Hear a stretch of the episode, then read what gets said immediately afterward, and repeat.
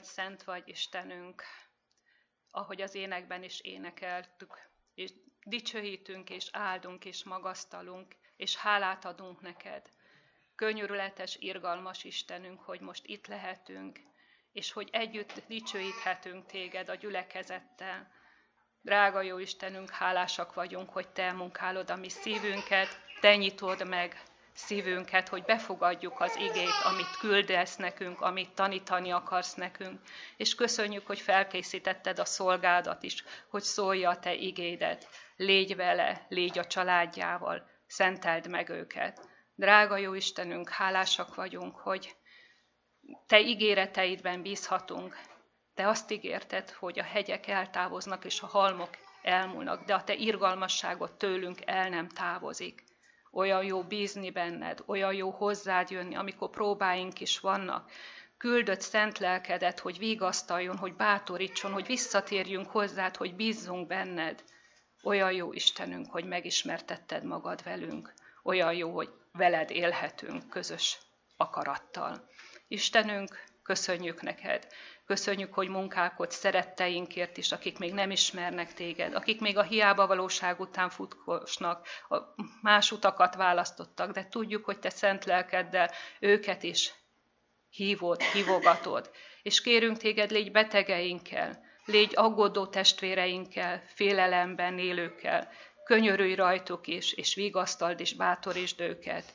És kérünk téged, légy minden embertársunkkal, Add, hogy mi jó illattal tudjunk kimenni embertársaink közé, hogy hadd lássanak meg téged. Köszönjük Istenünk minden jó téteményedet. Jézus nevében. Amen. Amen.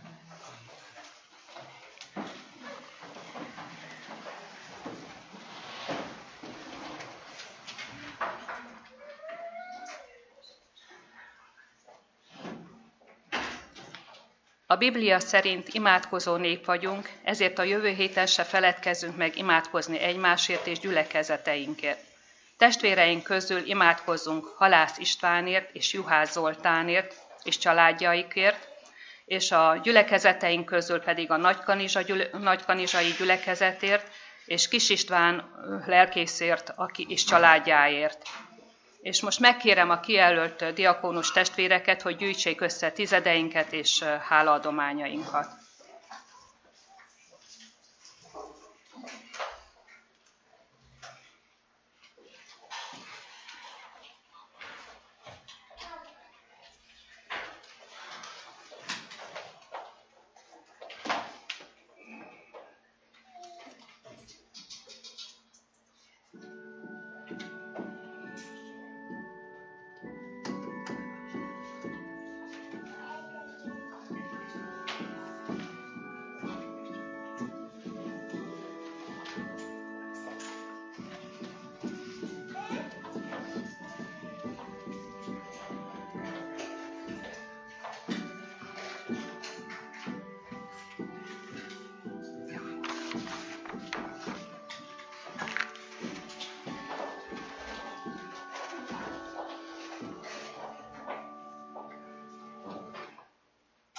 Hálaigét olvasom.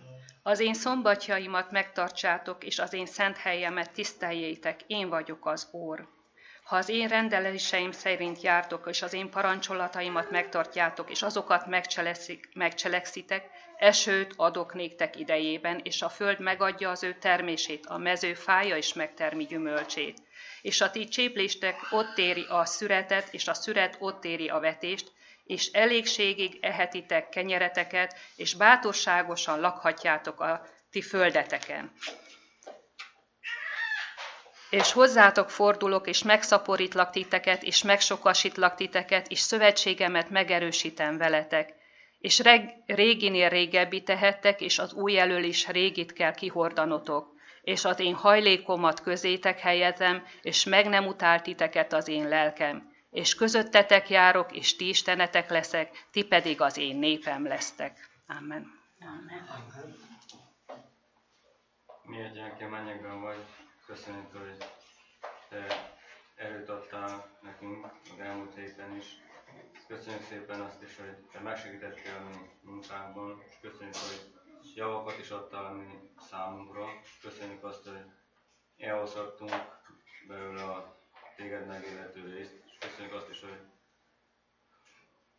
oly mennyiségű adományt ad, oly mennyiségű javakat adtál, hogy adományt is tudtunk hozni neked.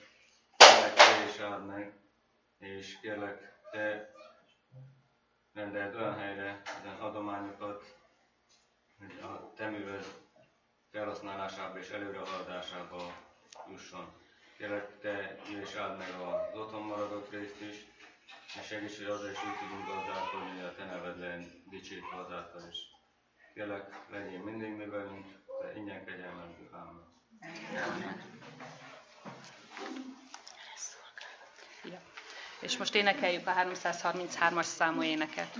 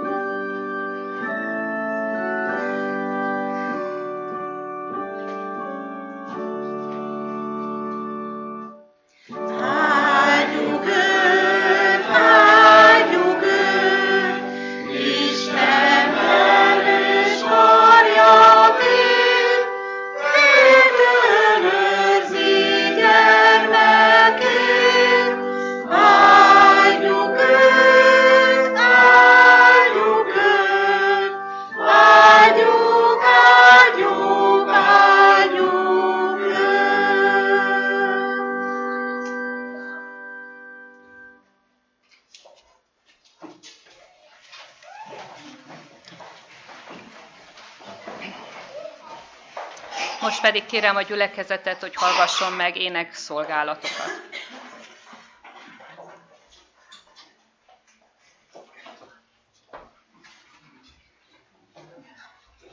Kedves testvérek, egy éneket szeretnénk énekelni nektek, és ez azért érdekes a mi számunkra, mert mi két éneket tanultunk meg ezen a református skólán, és ez az egyik. Kezd csinálóként énekeljük most el a gyerekek segítségével.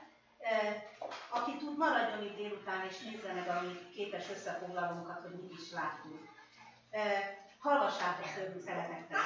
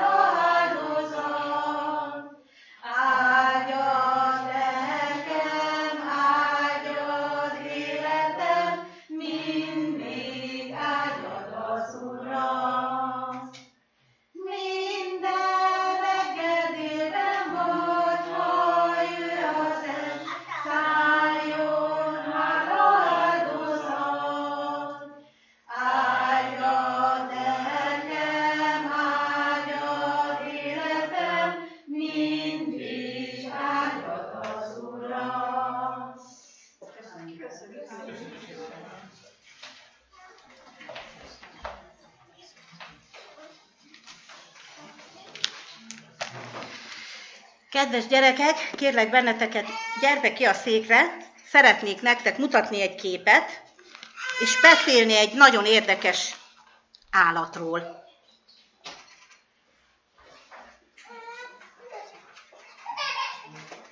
Gyertek ide nyugodtan, gyere bátran. Gyere, csücsülj le. Gyere ide, csücsülj le. Gyere, anya, te is. Na, jól van.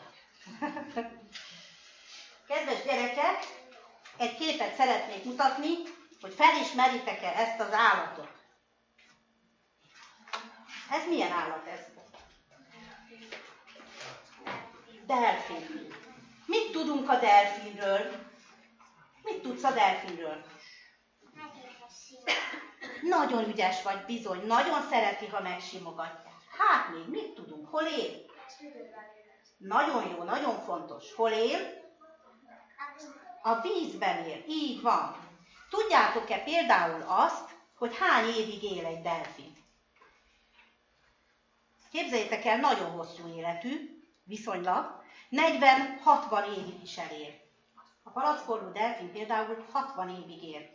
És tudjátok-e azt, hogy a delfinek járnak iskolába? Képzeljétek el, a delfinek ugyanúgy járnak iskolába, mint ti. Együtt tanulnak, a nagyobbaktól tanulnak érdekes dolgokat, ahhoz, hogy élni tudjanak. És tudjátok-e például azt, hogy hogyan látnak a delfinek? Hogyan látnak a delfinek? Gergő. Hm? Nézd, itt a kép.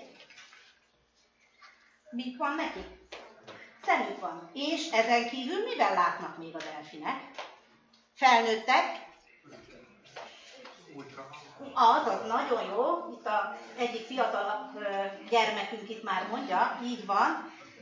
Vízhang alapján tájékozódnak a delfinek. Nagyon érdekes. Miért van erre szükség? Mit gondoltok?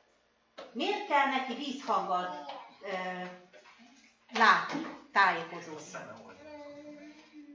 Hát, de nem ez a fő ok, hanem, hogyha zavaros a tenger, igen? Azért, hogy tudják, hol van. Nagyon jó, így van, mert ha zavaros a tenger, akkor nem lehet látni, nem lehet látni, ezért a vízhanggal tájékozódnak, mégpedig úgy, hogy itt, ahol van ez a kis búba fejükön, itt van nekik egy olyan ö, agyrészletük, amelyel a vízhangot kibocsátják. Ez egy olyan magas hang, amit a mi fülünk nem hall, ellenben ők hallják. Visszaverődik a tárgyról egy halról mondjuk, amit meg akarnak enni, mert ugye a delfin hallal táplálkozik.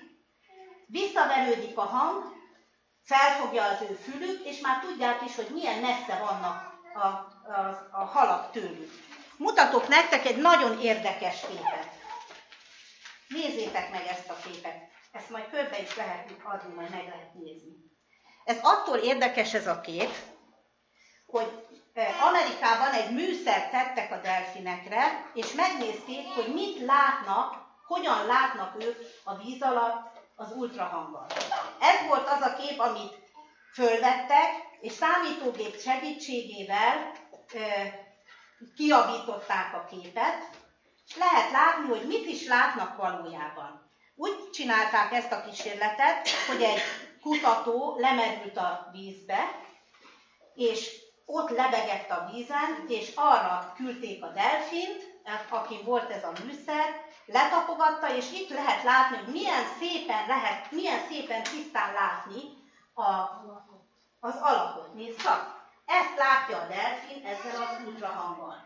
Azt is el kell még mondani, hogy a tudósok azt mondták, hogy sokkal élesebben látnak a delfinek az ultrahanggal, csak nincsen olyan jó készülékünk, amivel mi ezt tudnánk szimulálni. Ezért lehet így látni ezeket. Tudjátok-e azt, hogy mi a legnagyobb veszély, mi milyen veszély fenyegeti ezeket a szép állatokat, de delfineket? Mitől kell őket a legjobban félteni? Ez is jó, igen. De mi a legnagyobb baj? Mi a legnagyobb veszély az ő életükben? Hát talán nem. Talán nem, de ezzel kapcsolatban is majd elmondok mindjárt egy történetet. A delfinek legnagyobb ellensége a ez a hőmérsékletváltozás, ez a környezetváltozás.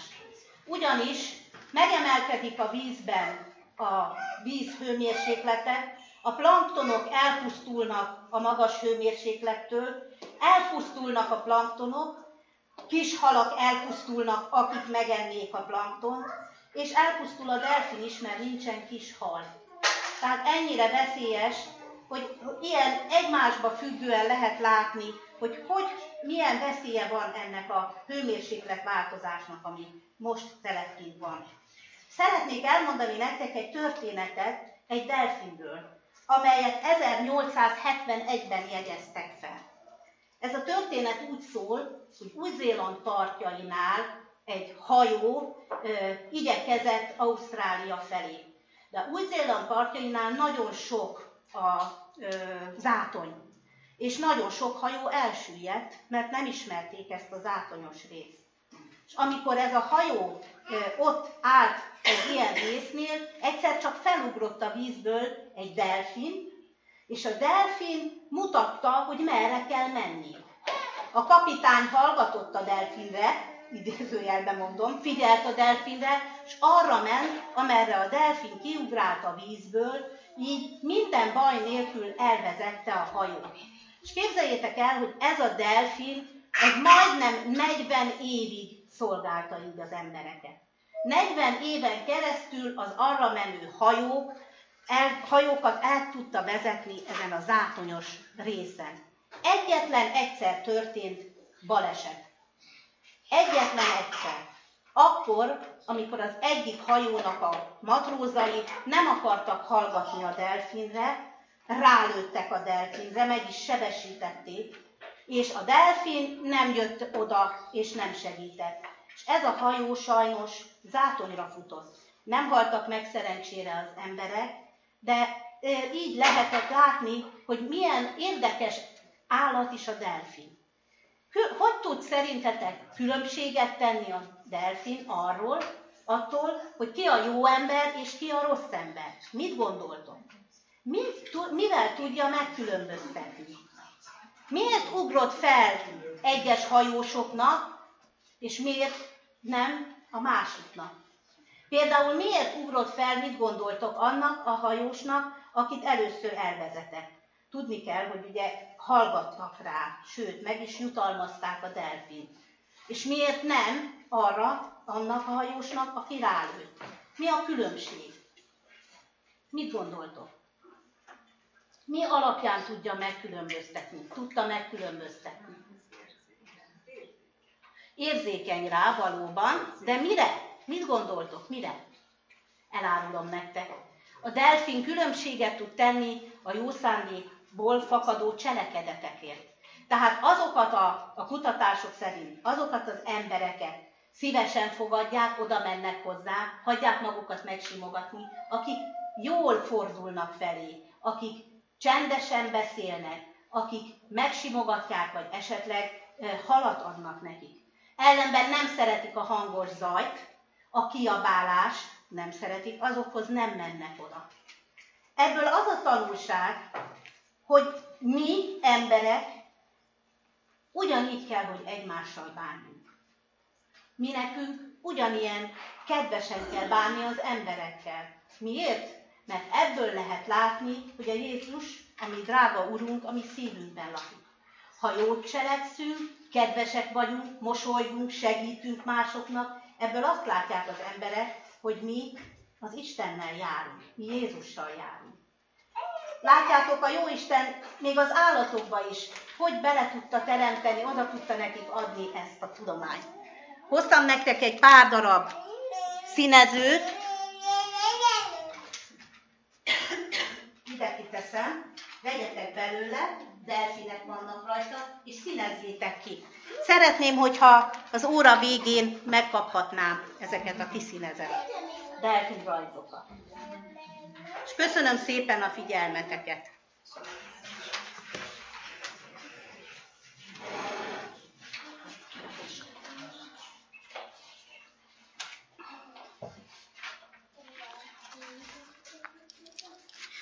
Te is kérjél csak, van még, nézd, ott kell lenni még.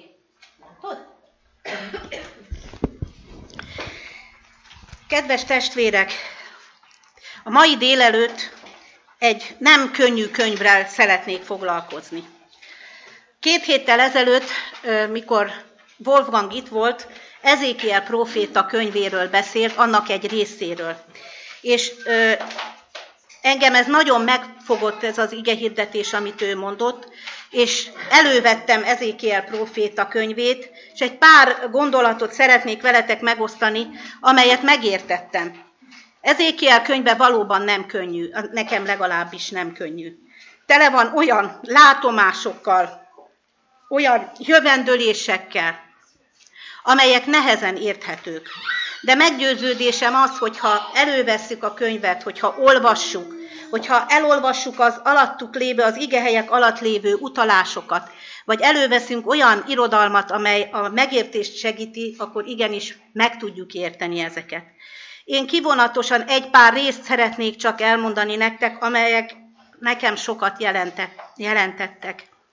És a végén szeretném elmondani azt az érdekességet, amit, amit felfedeztem, és az én számomra meghatározó dolog. Először is nézzük meg, hogy ki volt Ezékiel próféta. Mikor élt, hol végezte a szolgálatát. Ezzel kapcsolatban olvassuk el Ezékiel próféta könyvének első fejezetéből az első három versetnek. Ebben választ kapunk rá. És lőn a harmincadik esztendőben, a negyedik hónapban, a hónap ötödikén, mikor én a foglyok közt a Kébár folyó mellett voltam, Megnyilatkoztak az egek, és láttam isteni látásokat. A hónap ötödikén, ez volt az ötödik esztendeje Jojákin király fogságba vitelének. A hónap ötödikén valójában lett az úrnak beszédje, beszéde Ezékiel paphoz, a Búzi fiához, a Káldeusok földjén, a Kébár folyó mellett, és lett ott rajta az úrnak keze. Megtudjuk tehát ebből a részből, hogy Ezékiel pap volt, Búzi fia. Többet nem nagyon olvasunk az ő életéről. Annyit tudunk, hogy időszámításunk előtt 592 és 570 között szolgált a második fogságba vitel alatt. Nagyon érdekes volt, hogy ő elment a zsidó nép, néppel a káldeusok földjére, és ott végezte a szolgálatát. De milyen szolgálatot is végzett? Mit ír erről Ezékiel? Nézzük meg a második fejezet egytől ötödik rész, fej, versig tartó részeket. Ezt írja ő. És mondta nékem, embernek fia, állj lábaidra, és szólok veled. És lélek jött én belém, amint szólt, és állított engem lábaimra, és hallottam azt, aki szólt nekem. És mondta nekem, embernek fia, küldelek én téged Izrael fiaihoz, a pártos nemzetséghez, akik pártot ütöttek ellenem. Ők és atyafi, atyáik védkeztek ellenem minden mai napig a kemény orcájú fiakhoz és makacs szívűekhez küldelek téged, és ezt mondjad nékik, így szól az Úristen.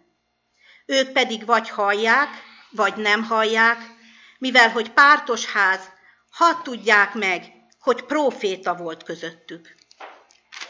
És a harmadik fejezet 17-től 19. verséig Embernek fia, őrállóul adtalak én téged Izrael házának, hogy ha szót hallasz számból, incsd meg őket az én nevemben. Ha ezt mondom a hitetlennek, halálnak halálával halsz meg, és te őt meg nem inted, és nem szólsz, hogy visszatérítsd a hitetlent az ő gonosz útjáról, hogy éljen, az a gonosz tevő az ő védke miatt hal meg, de vérét a te kezedből kívánom meg. De ha te meginted a hitetlent, és ő meg nem tért hitetlenségéből, és gonosz útjáról, ő az ő védke miatt meghal, de te megmentheted a te életedet. Miért is küldte tehát Ezékiel profétát az Úr? azért, hogy őrálló legyen a nép között. Őr, őrálló.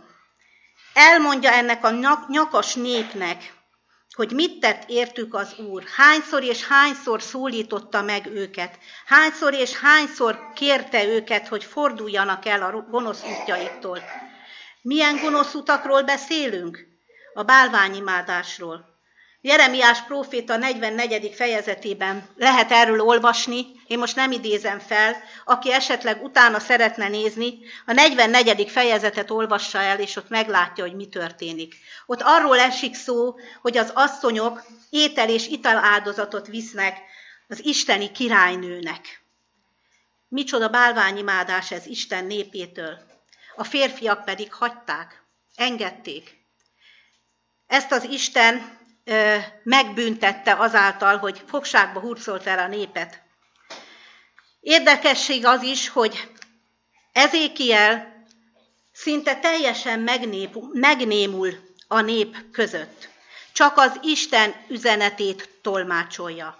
A hétköznapi életbe nem folyik bele, nem, ta, nem ad tanácsokat hét, hétköznapi dolgokról, hanem kizárólag csak az Úr üzenetét szólja. Vajon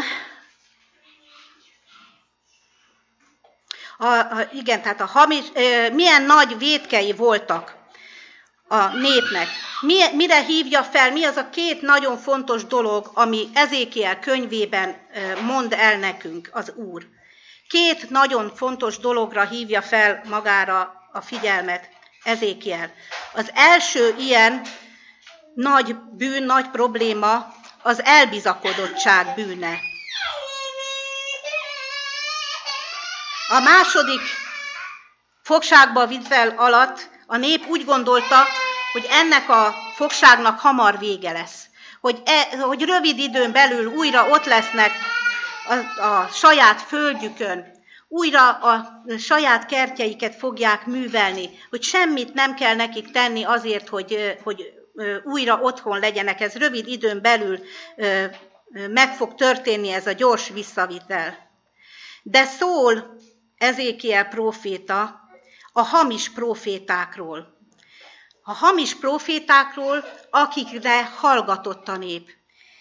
Elbizakodottságukban nem fogadták el az Isten intő szavát.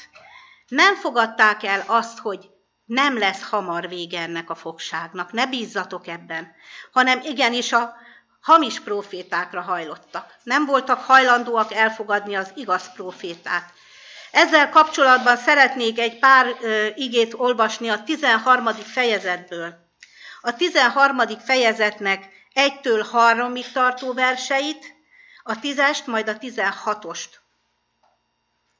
És lett az Úr beszéde hozzám mondván, embernek fia, profétálj Izrael profétái ellen, akik profétálnak, és mondjad ezek azoknak, akik önnön szívükből profétálnak. Halljátok meg az Úr beszédét. Így szól az Úristen. Jaj a bolond profétáknak, akik az önnön lelkük után mennek, mert semmit sem láttak. A tizedik vers. Azért, mert eláltatták az én népemet mondván béke, holott nincsen béke, és ha a nép falat épít, ímé ők bemázolják azt mázzal. 16. vers. Tudnélik, Izrael profétái, kik profétálnak Jeruzsálemben, és látnak néki békességnek látását, holott nincsen békesség. Ezt mondja az Úristen. Világosan közli Ezékiel a néppel, a zsidókkal. Ne bízzatok ezekben a profétákban, mert nem lesz béke. De nem ilyenek vagyunk mi is. Mi is szeretünk az ilyen gondolatokra hallgatni. Minden rendben lesz. Minden jól van. És nem akarunk hallgatni az Isten szavára, amikor azt mondja, hogy vigyázz, ne tedd ezt, vagy ne menj oda, ne fogj neki dolognak, amiben nem lesz áldás. Mi mégis a rosszra hallgatunk, és nem hallgatunk az Isten szavára. A másik nagy tanulsága ennek a könyvnek az én látásom szerint az, hogy másik végletbe esett a zsidó nép egy része. Az egyik az elbizakodottságba, a másik pedig a keserűségbe, a végletekig való megkeseredésbe.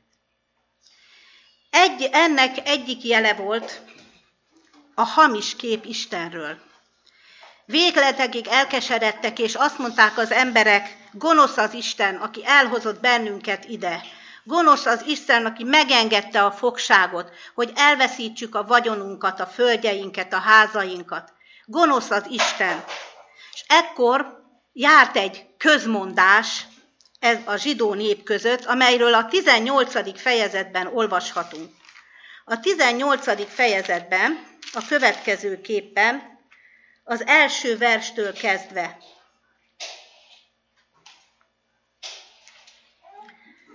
És lőn az Úr szava hozzám mondván, mi dolog, hogy ezt a közbeszédet szoktátok mondani Izrael földjén, mondván, az atyák ettek egrest, és a fiak foga vásod bele. Élek én, ezt mondja az Úristen, nem lesz többé helye köztetek ennek a közbeszédnek Izraelben. Ímé minden lélek enyém, úgy az atyámnak lelke, mint a fiúnak lelke enyém. Amely lélek vétkezik, annak kell meghalnia. Milyen érdekes ez, nem? Olyan sokszor, én legalábbis többször hallottam már, hogy azt mondta valaki, hogy még a tíz parancsolatban is benne van az, hogy az Isten megbünteti az atyák védkét a fiakban. De mit mutat nekünk ez a szakasz Ezékiel könyvében, hogy nem erről van szó. De keressük meg, olvassuk el Mózes második könyvéből, a 20. fejezetnél, Mózes második könyvének 20. fejezetéből azt a bizonyos második parancsolatot. Ne csinálj maragadnak faragott képet és semmi hasonlót azokhoz, amelyek fenn az égben, vagy amelyek alant a földön, vagy amelyek a vízben a föld alatt vannak. Ne imádd és ne tiszteld azokat, mert én az Úr a te Istened, féltőn szerető Isten vagyok, aki megbüntetem az atyák védkét a fiakban, harmad és negyedíziglen, akik engem gyűlölnek. De irgalmasságot cselekszem ezeríziglen azokkal, akik engem szeretnek, és az én parancsolataimat megtartják. Milyen szépen meglátszik itt is, hogy szó sincs arról, hogy az Isten az atyák védkét a fiakban büntetné meg. Egyszerűen egy törvényszerűséget tár elénk a második parancsolat is, mint ahogy Ezékiel profétának idézett szakasza is. Mégpedig a két törvény, amelyről beszélünk, az egyik az úgynevezett átöröklés törvénye, amely arról szól, hogy igenis hatással vannak ránk a szüleink, a körülöttünk élők, a rokonaink. Milyen téren?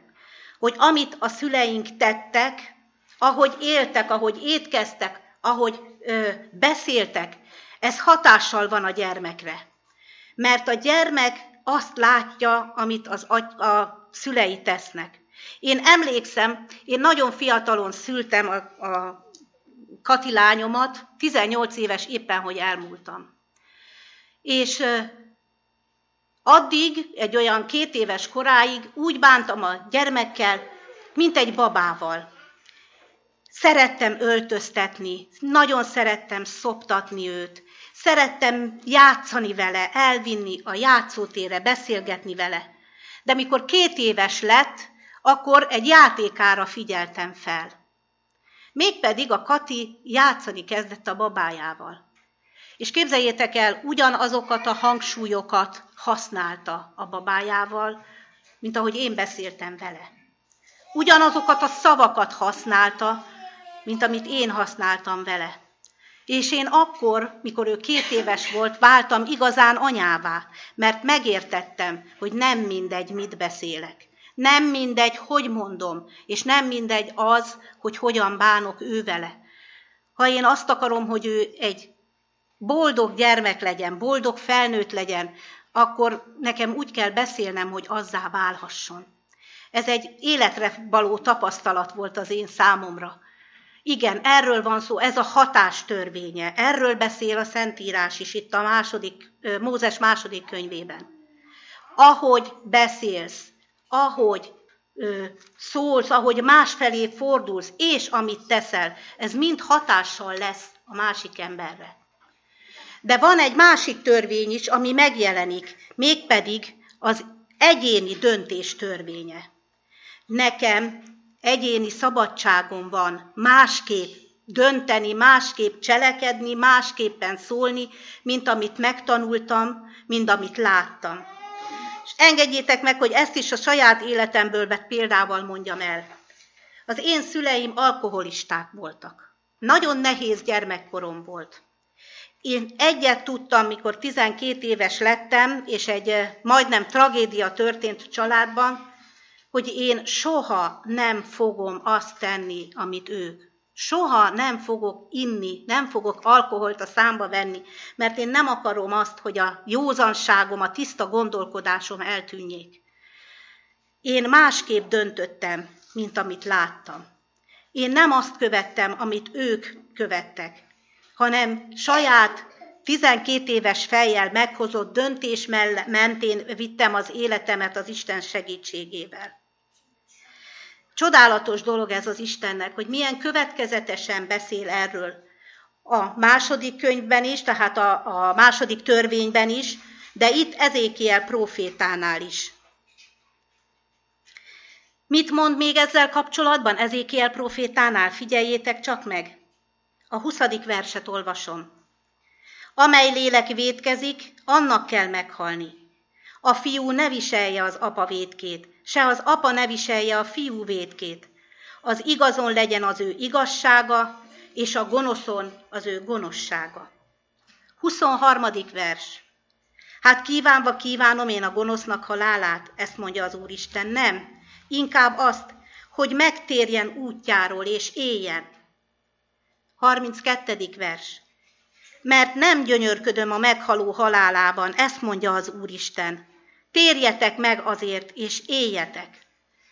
Micsoda gyönyörű kifejezések. Sokszor úgy érzem, amikor ezt olvasom, mintha az Isten szinte könyörögne. Hallgass rám, hallgass meg, figyelj az én szavamra, mert én azt akarom, hogy te élj. A következő rész, amiről szeretnék egy pár szót mondani, az a vége felé van már a könyvnek, a 36. fejezetben, fejezetről beszélt maga Wolfgang, arról, hogy miért is könyörült meg az Isten az elfordult népen. Miért? Talán azért, mert megváltozott? Mert jobbá vált? Nem. Emlékeztek még az ő szavaira? Idézem azokat a verseket, amelyeket ő is mondott a 36. fejezetnek a 21. versétől. Ekkor könyörültem szent nevemért, melyet megfertőztetett Izrael háza a pogányok közt, akikhez mentek. Ezért mondjad Izrael házának, ezt mondja az Úristen, nem ti érettetek cselekszem, Izrael háza, hanem az én szent nevemért, melyet ti megfertőztettetek a pogányok között, akik közé mentetek. És megszentelem az én nagy nevemet, melyet megfertőztetett a pogányok között, melyet ti fertőztettetek meg köztük. És megtudják a pogányok, hogy én vagyok az Úr, ezt mondja az Úristen, mikor megszentelem magamat rajtatok az ő szemük láttára. És amit érdekesség, amit az én számomra újdonság volt, lehet, hogy ti ezt már észrevettétek, ez a kifejezés. Megszentelem magamat. Utána néztem, a Bibliában összesen ötször fordul elő ez a kifejezés. Megszentelem magam. És ez az öt, ez mind Ezékiel profétánál van. De észre lehet venni egy fokozatosságot. Az első itt jelenik meg. Megszentelem magamat rajtatok vagyis megszenteli az ő népén, az ő bűnös, nyakas, kemény arcú, ahogy fogalmazott az elején, a, akik a gonoszra hajlamosak, akik nem hallgatnak az igazi profétai beszédre, hanem a saját fülük, saját hallásuk szerinti profétákat hallgatják. Ezek ezt a népet én például állítom a pogányok elé, mint ahogy itt fogalmazza, megszentelem magamat rajtatok az ő szemük láttára. Hát vajon hogy szenteli meg magát az Isten egy bűnös népen? Hogy tudja megszentelni magát? Olvassuk tovább az ige szakaszt, ezt mondja. És hintekre átok tiszta vizet, hogy megtisztuljatok minden tisztástalanságtoktól, és minden bálványaitoktól, bálványaitoktól megtisztítlak titeket. És adok néktek új szívet, és új lelket adok belétek, és elveszem a kőszívet testetekből, és adok nektek hús szívet. És az én lelkem adom belétek, és azt cselekszem, hogy az én parancsolataimban járjatok, és az én törvényeimet megőrizzétek és betöltsétek.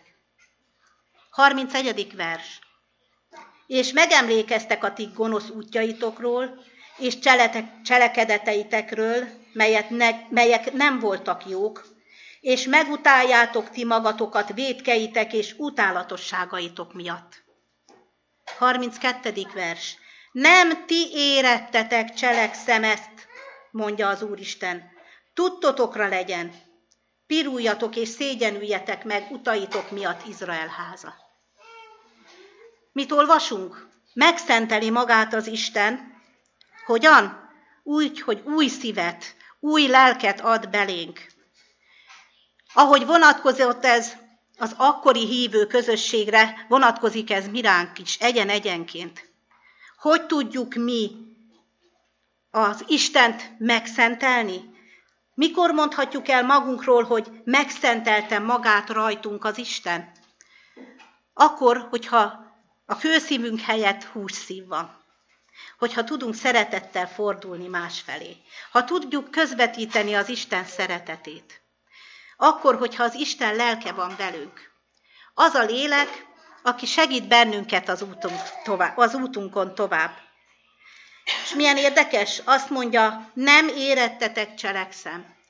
Ahogy megtörténik ez a csoda, ez a hús és kő szív cseréje, ahogy megtörténik az Isten lelkének a belén költözése, úgy tudja magát az Isten megszentelni rajtunk.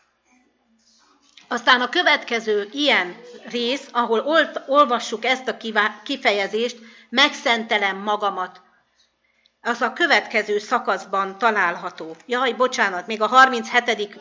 fejezetről csak egy pár szót hagy szóljak. E, azt mutatja ez a fejezet az én számomra, hogy micsoda hatalmas munkát végez az Isten ezzel, hogy hússzívet és új lelket ad belénk. Ahogy a csontokat megéleszti. Emlékeztek erre a híres részre. A csontok megelevenednek, az Isten ad inakat, ad izmot, bőrt, és feléleszti ezt a népet ahogy meg is fogalmazza a 37. fejezetnek a 11. versében, és mondanékem embernek fia, ezek a tetemek az Izrael egész háza. Tehát azok, akik befogadják az Isten lelkét, ahogy hallottunk, akik képesek a, a saját döntéseik alapján az Isten mellé állni, azokra vonatkozik ez. A 14. versben azt mondja, és adom az én lelkemet belétek, hogy megéledjetek, és leteszlek titeket a ti földjetekre, és megtudjátok, hogy én az Úr szóltam, és megcselekedtem. Ezt mondja az Úristen. Tehát nem csak ígéri, hanem meg is teszi. Sokan tapasztaltuk ezt szerintem, akik ö, nem, tehát akik olyan környezetből jöttünk, hogy nem ismertük az Istent azok megtapasztalják ezt a hatalmas dolgot. Újjá tud szülni bennünket az Isten. A következő rész, a 38. és 39. fejezet a Góg és Magók háborújáról szól. Ez még nem következett be. Ez egy elkövetkezendő dolog. Tudjátok, ismeritek ezt, hogy ez az, az történelmi korszak lezárulása előtt zajló esemény lesz.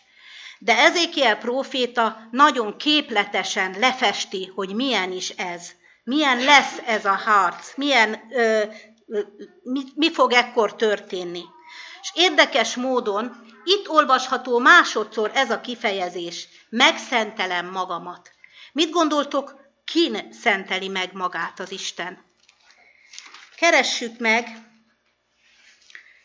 a 38. fejezetnek a 16. versét. Nagyon képletesen beszél az előző versekben arról, hogy hogyan is érkezik meg a, a góg és magóg. Ugye ne felejtsük el, hogy ez egy jelképe a gonoszoknak, a sátán seregeinek. És ezt olvassuk a 16-ban. És feljössz az én népem Izrael ellen, mint a felleg, hogy beborítsad a földet, az utolsó időkben lesz ez. És hozlak téged az én földemre, hogy a pogányok megismerjenek engem, mikor megszentelem magamat rajtad, az ő szemük láttára, Góg. Milyen érdekes? Az Isten megszenteli magát a bűnös népén. Hogyan? Úgy, hogy új szívet és új lelket ad beléjük. És megszenteli magát a sátánon, a sátán seregein. Milyen érdekes dolog ez. Hogy tudja magát megszentelni sátánon? Az ellenség seregein mindazokon, akik sátán mellett döntenek. Úgy fog ez bekövetkezni, hogy sátán elpusztul, meghal, megtörténik az igazságszolgáltatás. Ő rá száll minden bűnnek a, minden bűnnek a büntetése.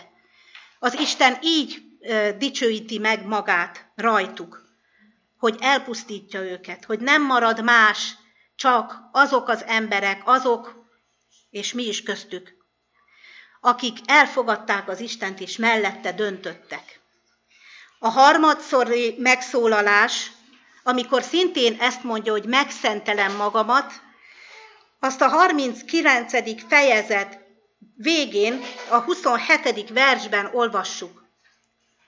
Mikor visszahozom őket a népek közül, és egybegyűjtem egybegyűjtöm őket ellenségeik földjéről, tehát itt már a megváltottak seregéről van szó, akkor megszentelem magamat bennük sok nép szeme láttára. Megszenteli magát az Isten a bűnös népén azáltal, hogy új szívet és új lelket ad. Megszenteli magát az Isten magán sátánon és az ő seregein, mikor igazságot szolgáltat és megszenteli magát az újjászületettekben. Már nem is rajtuk, hanem bennük. Micsoda gyönyörű távlat ez, gondoljátok el, mi vár ránk, micsoda csodálatos reménység. Ezzel kapcsolatban engedjétek meg, hogy idézem először a jelenések könyve 20. fejezetének 7. versétől révő szakaszát, megmutatva, hogy mi fog, hogyan fog ez megvalósulni. Azt olvassuk János jelenések könyvének 20. fejezetében, a 7. verstől. És mikor eltelik az ezer esztendő, a sátán eloldatik az ő fogságából, és kimegy, hogy elhitesse a föld négy szegletén lévő népeket, a gógot és a magógot, hogy egybegyűjtse őket háborúra, akiknek száma, mint a tenger fövenye és feljönnek a föld szélességére, és körülveszik a szentek táborát és a szeretet várost. És Istentől a mennyből tűzszál alá, és megemészti azokat. És az ördög, aki elhitette őket, vetteték a tűz kénőkő tavába, ahol van a fenevad és a hamis próféta. És kínosztatik, helyes fordítás szerint, büntettetik éjjel és nappal, örökkön örökké, helyes fordítás szerint visszavonhatatlanul. Ez lesz a vége Góg és Magók háborújának. És hogy mindezt megkoronázzam egy, e, azzal, hogy ezt érthetőbben elmondjam, Ellen Whitehoz fordulok, és egy hosszabb ö, ö, kivonatot szeretnék olvasni a Nagy Küzdelem Küzdelem véget ért című fejezetéből. Elmondja Ellen White érthetően tisztán mi fog történni, és elmondja azt is, hogy mi vár ránk megváltott népére. Az ezer esztendő végén Krisztus a megváltottak és az angyalok kíséretében ismét eljön a földre. Félelmetes méltósággal száll alá, és életre szólítja a gonoszokat a végítéletre. Hatalmas sereg jön elő, megszámlálhatatlan, mint a tengerfövenye. De micsoda különbség van köztük és azok között, akik az első feltámadáskor léptek ki sírjukból. Az igazakat Jézus hervadhatatlan ifjúsággal és szépséggel ruházta fel. A gonoszok pedig a betegség és a halál nyomait viselik. Krisztus az olajfák hegyére ereszkedik le, ahonnan feltámadás után felemelkedett, és ahol az angyalok megismételték visszatérésének ígéretét.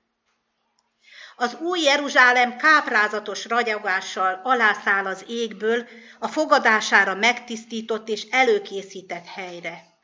Krisztus belép a szent városba, és vele mépe és az angyalok.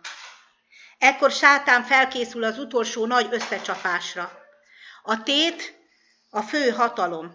Amíg a gonoszság fejedelme nem gyakorolhatta hatalmát, és nem volt kit becsapjon, addig tehetetlen és komor volt. De amikor a gonoszok feltámadnak, és sátán maga mellett látja a nagy sokaságot, reménye újraéled, és eltökéli, hogy nem adja fel a nagy küzdelmet. Az elkárhozottak egész seregét zászlaja alá gyűjti, és megkísérli velük a tervét megvalósítani. A gonoszok sátán fogjai. Krisztus megtagadásával meghódoltak a lázadó vezérelőt, most is készek a javaslatait elfogadni és parancsát teljesíteni. Sátán először angyalaival tanácskozik, majd a királyokkal, hódítókkal és hatalmasokkal. Felmérik párthíveik erejét, létszámát, és kijelentik, hogy a városon belüli sereget, amely az ő seregükhöz képest kicsi, le tudják győzni. Terveket fektetnek le, gazdag és dicső új Jeruzsálem elfoglalására, és nyomban készülődni kezdenek a csatára. Ügyes szakemberek harceszközöket gyártanak, sikereikről híres hadvezérek a harcosok sokaságát sereggé szervezik. Végül támadásra szól a parancs, és megszámlálhatatlan sereg elindul. Soha nem volt földi hódítónak ekkora serege. Az első földi háború óta eltelt századok során soha nem hívtak össze ehhez fogható sereget. Sátán a leggyakorlottabb harcos áll az előhad élén. Angyalai is egyesítik erejüket a végső harcra. Krisztus ekkor ismét megmutatja magát az ellenségnek. Messze a város felett fényes arany alapzatú trónon ül az Isten fia, és körülötte országának polgárai. Nincs nyelv, amely el tudná mondani, nincs toll, amely le tudná írni Krisztus hatalmát és fenségét. A föld és a menny összesereglet lakóinak jelenlétében megtörténik Isten fiának megkoronázása. Majd a királyok királya, aki megkapta a legnagyobb méltóságot és hatalmat, ítéletet mond a kormányzata ellen lázadókra, és végrehajtja ítéletét törvényének áthágóin és népe sanyargatóin. Ekkor mindenki előtt világossá válik, hogy a bűn zsoldja nem a csodálatos függetlenség, melyet sátán ígért. Nem az örök élet a saját akaratban, hanem rabság, romlás, halál. A föld feltöredezik. Előkerülnek a föld mélyében rejtett fegyverek. Emésztő lángokat lövel minden tátongó szakadék, még a sziklák is tözet fognak. Eljött a nap, amely lángol, mint a kemence. A roppant nagy forróságtól az elemek megolvadnak, a föld is megolvad, és ami rajta van, elég. A gonoszok a földön megkapták büntetésüket. Láték új eget és új földet, mert az első ég és az első föld elmúlt. A tűz, amely a gonoszokat megemészti, megtisztítja a földet, elsöpri az átkot, minden nyomát. Nincs örökké égő pokol, amely a megváltottakat a bűn félelmes következményére emlékeztetné. A bűnnek csak egy emléke marad. Megváltunk örökre viselni fogja kereszt halálának nyomait. A bűn kegyetlen munkájának semmi emléke nem marad, csak a sebb helyek Krisztus fején, oldalán, kezén és lábán. A Biblia hazának nevezi a szentek örökségét. Ott a mennyei pásztor élő vizek forrásaihoz vezeti nyáját. Az életfája minden hónapban megtermi gyümölcsét, és leveleivel a népeknek szolgál. Ott kiapadhatatlan kristálytiszta vízforrások fakadnak, és pártjukon, és partjukon hajladozó fák árnyékot vetnek az ösvényekre, amelyen az Úr megváltottai haladnak.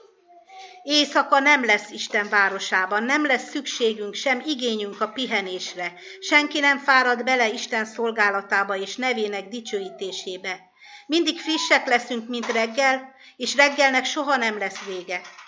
A napfényét feleslegessé teszi az a ragyogás, amely nem fájó és nem vakító, pedig felmérhetetlenül túlszárnyalja a déli nap erőfényét.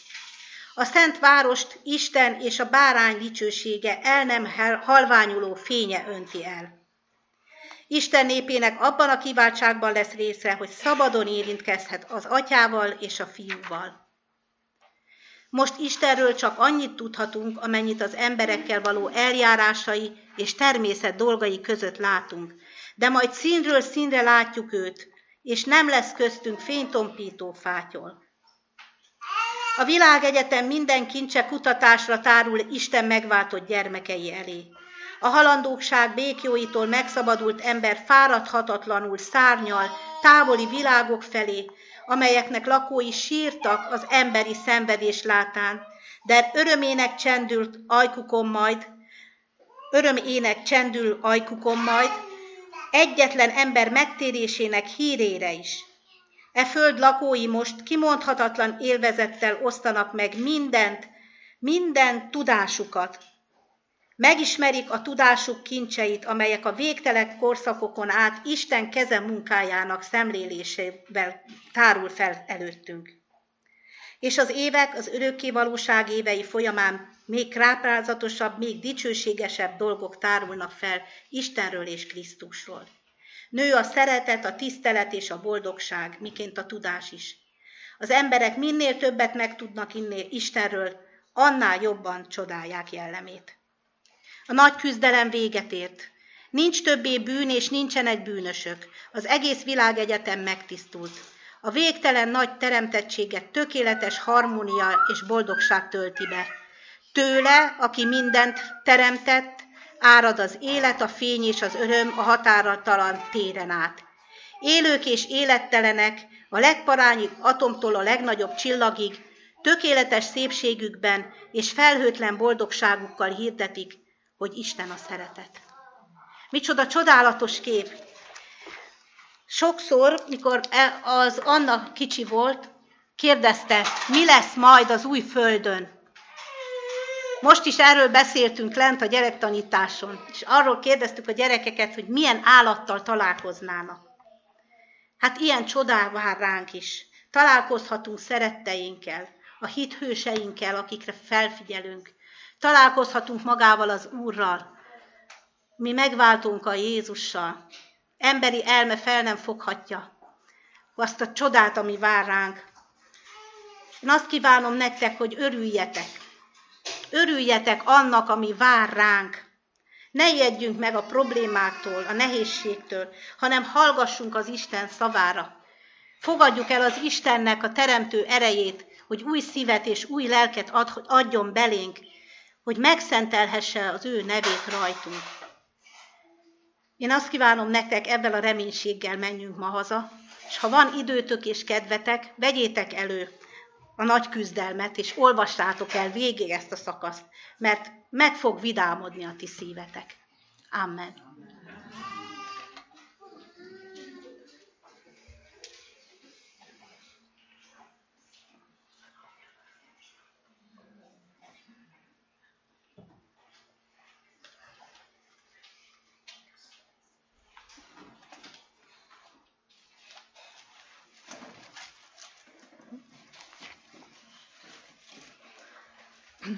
Áldásos Isten tiszteletünket fejezzük be a 184-es számú ének, első-második versét énekeljük, majd ima után a harmadik, negyedik verset, tehát a 184-es számú ének első két versét énekeljük.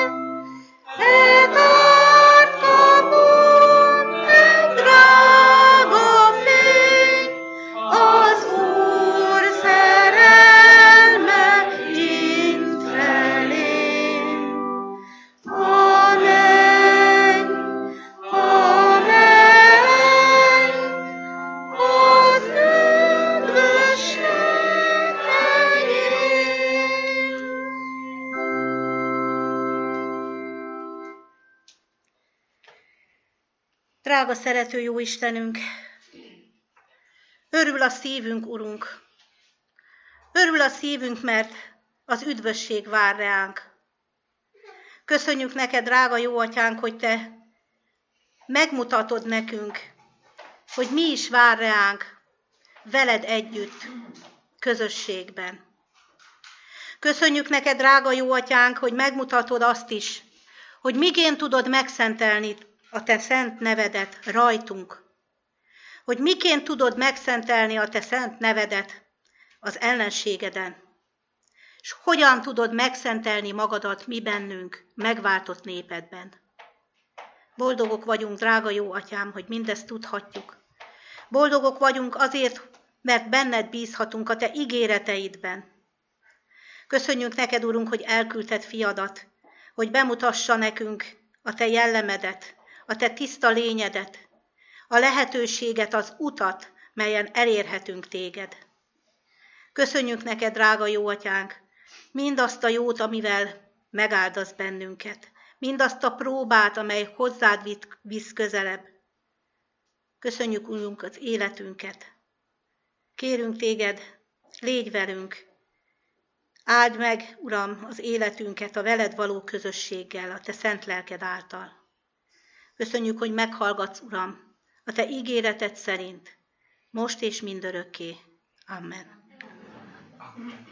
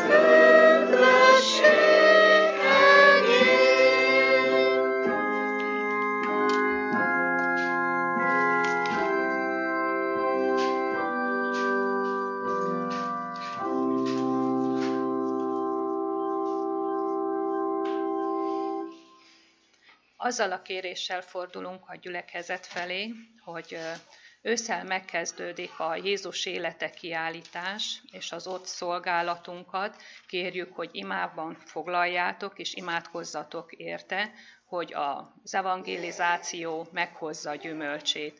Imádkozzunk az emberekért, akik eljönnek, és imádkozzunk a gyülekezetért, akik ott végzik a szolgálataikat.